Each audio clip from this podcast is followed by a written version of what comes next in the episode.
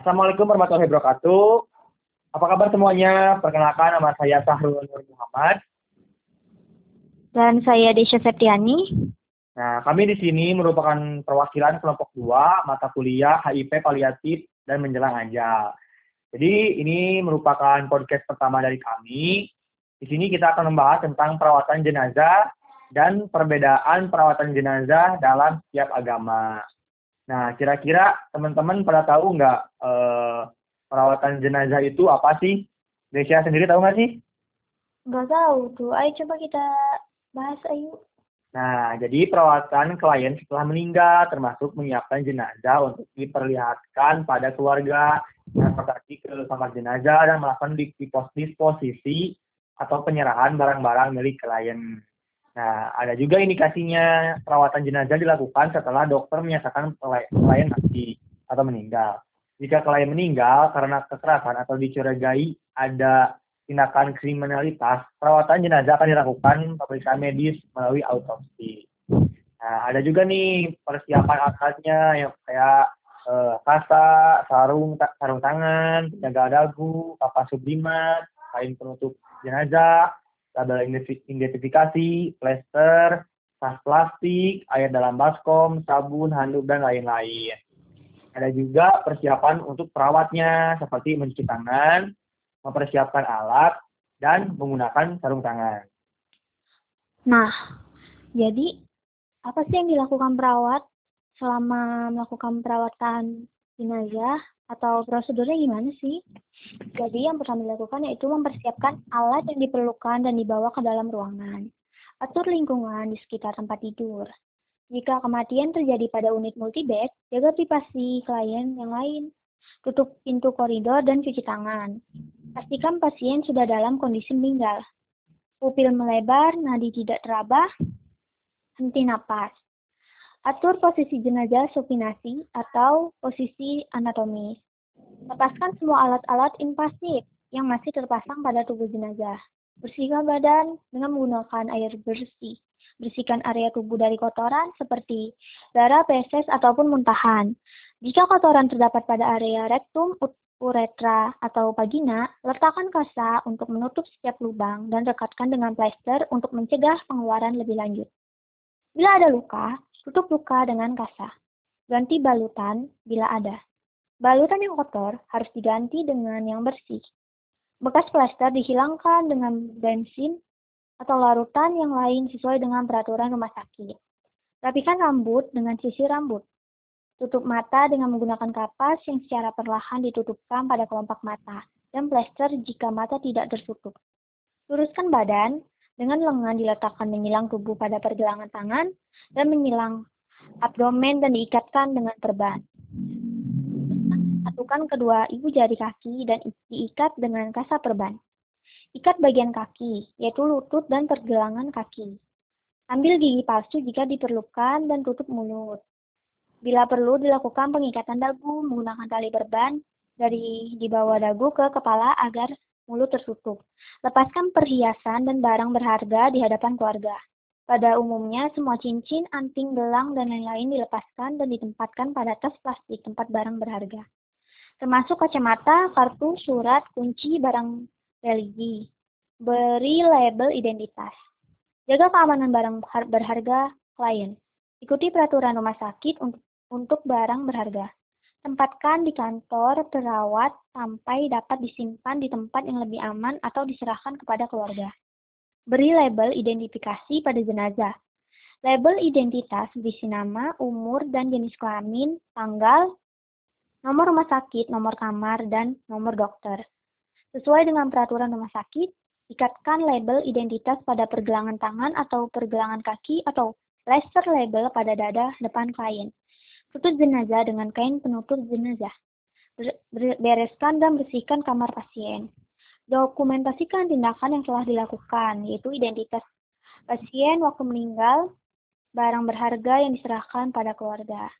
Nah, itu tadi merupakan uh, prosedur atau yang dilakukan oleh perawat saat perawatan jenazah. Nah, Lumayan banyak ya, Des? Iya, benar. Dan perawatan jenazah pada jenazah autopsi itu gimana ya Sahrul? Nah, jadi ada beberapa hal nih yang harus diperhatikan ketika menemukan jenazah atau mendapati jenazah akibat kriminalitas atau e, kekerasan yang harus diautopsi antaranya ikuti prosedur rumah sakit dan jangan lepas alat kesehatan. Lalu beri label pada pembungkus jenazah. Selanjutnya beri label pada alat protesa yang digunakan. Dan yang terakhir tempatkan jenazah pada lemari pendingnya. Nah, segitu deh. Oh, nah, itu teman-teman. Nah, selain melakukan perawatan pada jenazah, perawat juga melakukan perawatan terhadap keluarga, yaitu dengan mendengarkan ekspresi keluarga, memberikan kesempatan bagi keluarga untuk bersama dengan jenazah selama beberapa saat. Siapkan ruangan khusus untuk memulai rasa berduka. Membantu keluarga untuk membuat keputusan serta perencanaan pada jenazah. Memberi dukungan jika terjadi disfungsi berduka. Nah, jadi itu uh, pembahasan kita tentang perawatan jenazah. Oh, gitu ya kita akan membahas tentang perbedaannya nih dalam setiap agama. Nah, iya guys. Jadi di setiap agama itu mempunyai perbedaannya tersendiri gimana prosedurnya. Salah satunya di Islam nih. Kalau di Islam uh, ada uh, prosedur kewajibannya yang harus diwajibkan untuk uh, ketika ada yang meninggal agamanya Islam. Yang pertama uh, harus dimandikan, yang kedua mengapani, yang ketiga mensolatkan, yang keempat menguburkan. Nah, untuk eh, perawatan agama Kristen ada beberapa nih. Yang pertama juga eh, pastinya dimandikan terlebih dahulu dengan air bersih. Nah, setelah, setelah itu eh, untuk pasien yang meninggal di agama Kristen eh, nanti setelah dimandikan harus dikremasi terlebih dahulu seperti eh, dikasih pakaian sesuai permintaan orang tua dan dibersihkan bagian-bagian yang kotornya. Nah, setelah itu dimakamkan. Tapi ada juga hal-hal yang harus diperhatikan. Yang pertama itu dilarang memotong rambut. Hal ini dihindari karena dianggap menganiaya jenazah dengan menimbulkan kerusakan atau cacat tubuh. Yang kedua, saat menyiram air pada wajah dan muka tutuplah lubang mata, hidung, mulut, dan telinganya agar tidak kemasukan air. Nah, yang ketiga, apabila anggota tubuh terbuka dan, dan dalam menggosok atau membersihkan bagian terluka, supaya lebih hati-hati dilakukannya dengan lembut akan memperlakukan pada waktu masih hidup.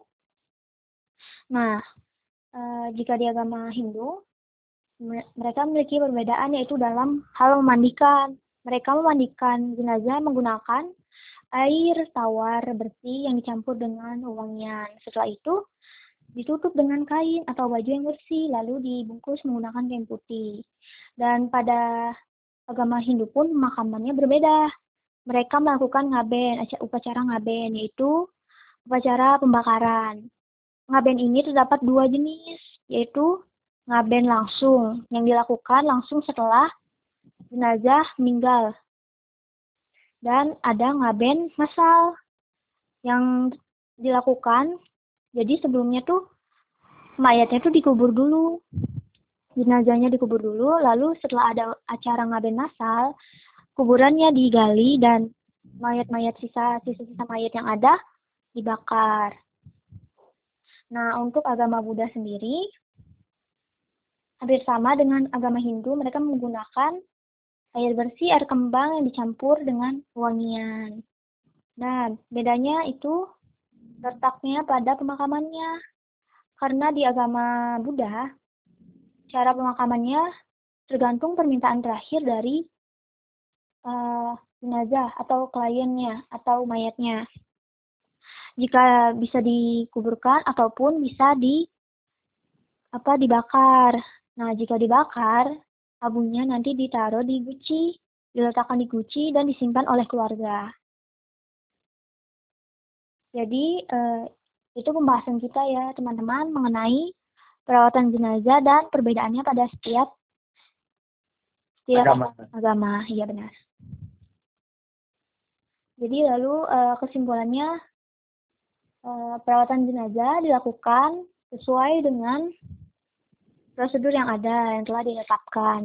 Lalu untuk uh, di setiap perbedaan agama yang ada perawatan jenazah dilakukan sesuai dengan kepercayaan atau agama yang dianut oleh klien atau keluarga jenazah. Hmm. Ternyata lumayan padat juga ya, Dev. Iya benar. Ya, semoga uh, apa yang kita sampaikan bermanfaat untuk kalian semua ya. Ya, nantikan uh, podcast selanjutnya yaitu episode 2 dari kita ya. Pada episode 2, kita akan menjelaskan perawatan jenazah pada pasien atau keluarga yang punya kondisi khusus seperti HIV AIDS, SARS, avian influenza, hepatitis B atau C, dan COVID-19 untuk meminimalisir kejadian penularan penyakit. Ya. Uh, cukup sekian yang dapat kami sampaikan. Bila topik walidayah. Wassalamualaikum warahmatullahi wabarakatuh.